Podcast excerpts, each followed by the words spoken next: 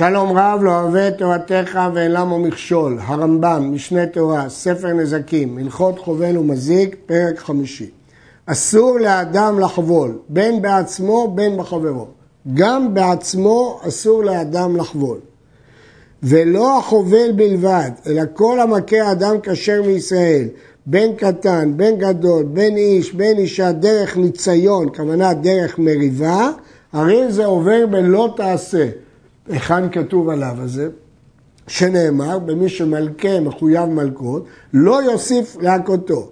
אם הזהירה התורה שלא להוסיף בהכאת החוטא, קל וחומר למכה את הצדיק. אפילו חוטא שחייב מלכות אסור להוסיף לו מלכה, מכה. כל שכן שאסור להכות אדם זר, סתם.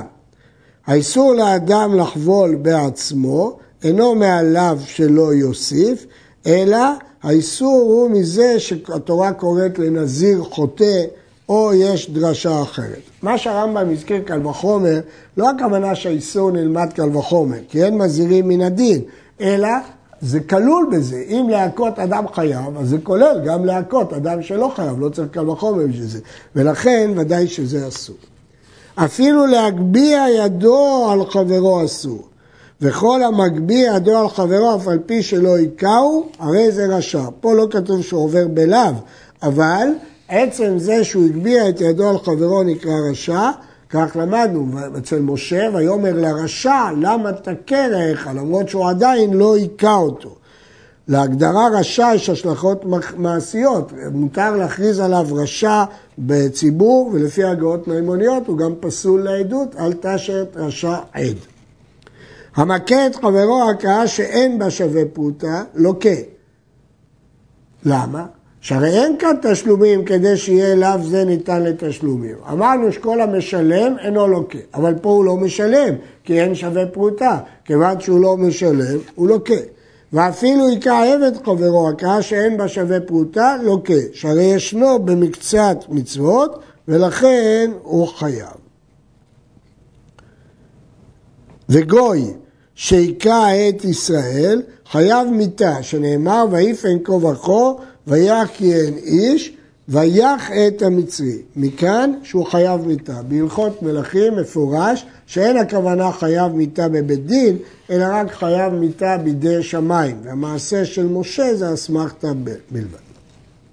קנס כנסו חכמים לאלו השוטים, בעלי זרוע, שהם מכים, שיהיה הנחבל נאמן ונשבע בנקיטת חפץ, דהיינו שבועת המשנה, תופס חפץ של קודש כמו תפילין או ספר תורה, שזה חבל בו חבל זה, ונותן מה שראוי לו, והוא שיהיו שם עדים. כיצד? היו שני עדים מעידים אותו שנכנס לתוך ידו שלם ויצא חבול, ולא ראו בעת שחבל לו. והוא, בוא, והוא אומר לא חבלתי, ועלה אומר אתה חבלת בי, הרי זה נשבע ונותן. יש פה עדים, אבל העדים לא ראו את החבלה, הם ראו שהוא נכנס שלם ויצא חבול. אז מחייבים אותו שבועה כמה הוא היכה אותו ונאמן ונותן. הרמב"ם מגדיר את זה כקנס. זה מופיע במסכת שבועות בתור שבועת המשנה. הרמב"ם רואה בזה קנס, כי סוף סוף העדים לא ראו את ההכאה עצמה. יש שחולקים ואומרים שאין פה קנס, אלא זה ענן סעדה, כי העדים ראו אותו שלם, יוצא חבול, ואין דרך של אדם לחבול בעצמו, אז זה כאילו שהעדים מעידים על החבלה. במה דברים אמורים? כשהייתה המכה במקום שאפשר לו להכותה לעצמו, שהיה עם שלישי, שאפשר כשזה הנחבל אמר לו לחבול בו להתראה עם על אחר, אבל אם אין עם האם אחר, והייתה המכה במקום שאינו יכול לעשותה בעצמו, גוד שהייתה נשיכה בין כתפיו וכיוצא בזה, הרי זה נותן ולא שבועה, כי פה בשביל מה להישבע, הרי ברור, יש הנצד, ברור שהוא זה שהיכה בו, כי לא היה שם אדם אחר. הודה החובל שהוא חבל. יש דין מודה בקנס פטור. מה הדין כשהוא הודה שהוא חבל? משלם חמישה דברים. שהרי העדים היו שם, שנכנס לתוך ידו שלם בשעת מריבה ויצא חמוד, זה לא נקרא מודה. התשלום הוא בגלל העדים, אז זה לא מודה. אבל אם לא היו שם עדים כלל, לא ראו עדים בכלל שהוא יצא שלם, נכנס שלם ויצא חמוד, והוא אומר חבלת בי והודה מעצמו, פטור מן הנזק ומן הצער, וחייב בשבט ובושת וריפוי על פי עצמו. לפי הרמב"ם, הנזק והצער זה קנס, והשבט והבושת והריפוי זה ממון שחייב על פי עצמו. לפיכך, אם כפר ואמר לא חבלתי, נשבע שבועת עשה. ולמה משלם אדם שלושה דברים אלו על פי עצמו?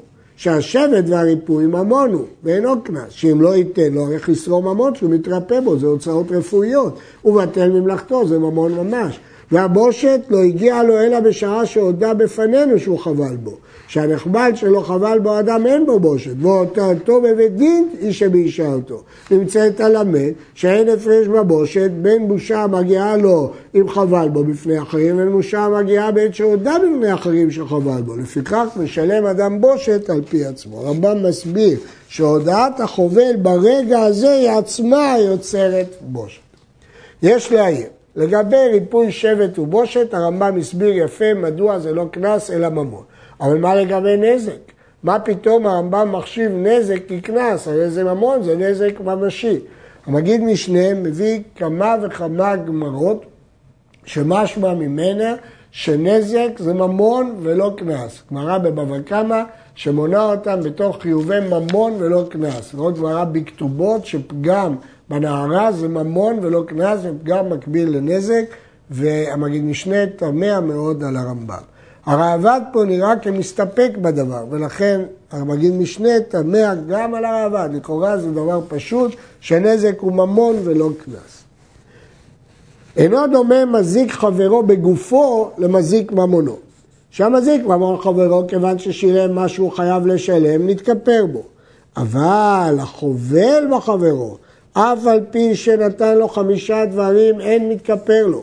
ואפילו הקריב כל אלה נוויות, שהם כבשים משובחים, קורבנות משובחים, אין מתכפר לו, ולא נמחל עוונו, עד שיבקש מן הנמחל וימחול לו.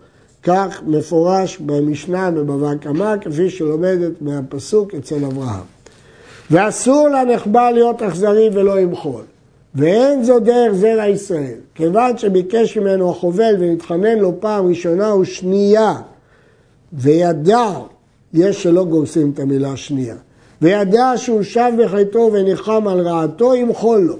וכל הממהר למחול, הרי הוא משובח, ורוח חכמים נוחה ממנו.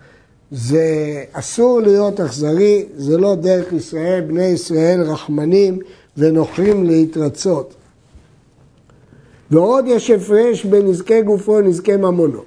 שאומר לחברו, שמה את עיני, קטע את ידי, על מנת שאתה פטור, הרי זה חייב בחמישה דברים, שהדבר ידוע שאין אדם רוצה בכך, זו סברת רבי יוחנן בגמרא. נשים לב שהרמב"ם אומר את זה על ראשי איברים, על סימא את עינו וקטע את ידו. אומר המגיד משנה שאם זה לא ראשי איברים, הוא באמת יהיה פטור, אבל מפירוש המשנה ברמב"ם משמע שכל נזקי גופו הדין כן זה תלוי בסוגיית הגמרא.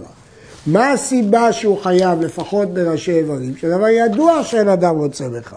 אבל האומר לחברו קרא את כסותי, שבר את כדי על מנת שאתה פטור, וזה פטור, כי סימן שהוא מחל. ואם לא אמר לו על מנת שאתה פטור, הרי זה חייב לשלם אף על פי שהרשעו להשחית. במה דברים אמורים שבאו הכלים לידו תחילה בתורת שמירה, כגון שהיו שאולים ומופקדים אצלו, אמר לו שבר, קרא ועשה כן, חייב לשלם, כי יש לו אחריות ששומר, עד שאומר לו על מנת שאתה פטור. אבל אם אמר לו, אם הוא לא שומר, וסתם הוא אמר לו, קח כלי זה ושברו, בגד זה וקוראו, ועשה כן, הרי זה פטור, אפילו שלא אמר על מנת לפתור. האומר לחברו שבר כליו של פלוני, על מנת שאתה פטור, ועשה, הרי זה חייב לשלם. כאילו אמר לו, סמי אנוש של פלוני על מנת שאתה פטור. ואף על פי שהעושה הוא חייב לשלם, הרי זה אומר לו שותפו בעוון. ורשע הוא, שהרי הכשיר עיוור וחיזק ידי עוברי עבירה, ולכן המכשיל אותו גם כן הוא רשע ויענש על זה. אבל בפועל מי שצריך לשלם זה מי שעשה בידיו. עד כאן.